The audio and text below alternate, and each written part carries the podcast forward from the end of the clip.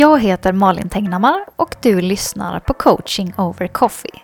En podcast från One Spoon Happiness där jag varje vecka över en kopp kaffe delar med mig av tankar, mindset och konkreta övningar för att skapa mer glitter i livet.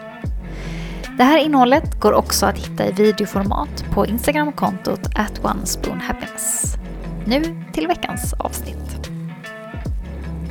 Hej och välkommen till veckans avsnitt av coaching over coffee. Där jag tänker att du ska få leka lite med den här tanken. Eh, som eh, jag kommer till strax, men som liksom att tänka på det här sättet tycker jag på något sätt tydliggör hur vi lever vårt liv på ett väldigt mycket eh, tydligare sätt än vad många andra saker gör. Eh, och detta var en mening som jag hörde på en av, en av grundarna eh, till Business and Dreams pratade om det här på retreatet som jag var på i helgen. Och det var följande. Ehm, om, om ditt liv blev en bok, skulle du då vilja läsa den? Eller, inte exakt formulerat så, men liksom, skulle, vad skulle den innehålla? Och jag tolkade det då så, inte som bokstavligt talat typ vad gör du i ditt liv?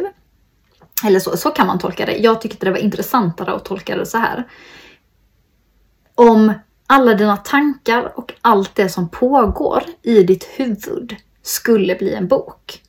Skulle du då vilja ha med den boken att göra? Och det, jag gillar den tanken för den får det väldigt tydligt i alla fall för mig att jag verkligen vill jobba med vad som pågår uppe i mitt huvud. För jag menar, vem vill läsa, vem vill läsa, alltså man själv, vem vill läsa tusen sidor oro om samma sak? Tveksamt att någon vill det. Eller vill jag liksom i sammanfattningen av hela mitt liv att hundratals kapitel ska bestå av att jag har brytt mig om vad andra tycker eller att jag har oroat mig över vissa saker eller liksom... Ja, jag tänker så här. Om du tänker i, i de här termerna. Eh, vad, vad slår dig? Vad slår an vad får dig att fundera på att du skulle vilja ändra? Och då tänker jag som sagt inte i konkreta händelser, för då är det lätt att tänka ja men jag har inget Hollywood-liv, eh, så då är det helt meningslöst. Eh, och eh, det tycker jag inte att det är. Eh, vi behöver inte alla leva Hollywood-liv där allting sker i en viss sekvens. Det man kan ta med sig från en Hollywood-film är ju att det måste alltid skita sig någonstans. Eh, om filmen hade varit liksom rakt igenom gått från punkt A till punkt B där filmen tar slut utan att saker strulade så hade det varit helt outhärdligt att titta på dem. Eh, det måste finnas en plott, det måste finnas en vändning, det måste finnas ett ställe där det liksom går utför för huvudkaraktären. Tar du det till ditt eget liv så måste det finnas tillfällen i ditt eget liv där saker går åt helvete. För annars skulle ditt liv inte i slutändan vara intressant.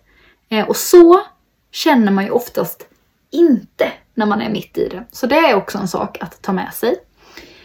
Men framförallt här, om du funderar på liksom, om allt som pågår i ditt huvud, eh,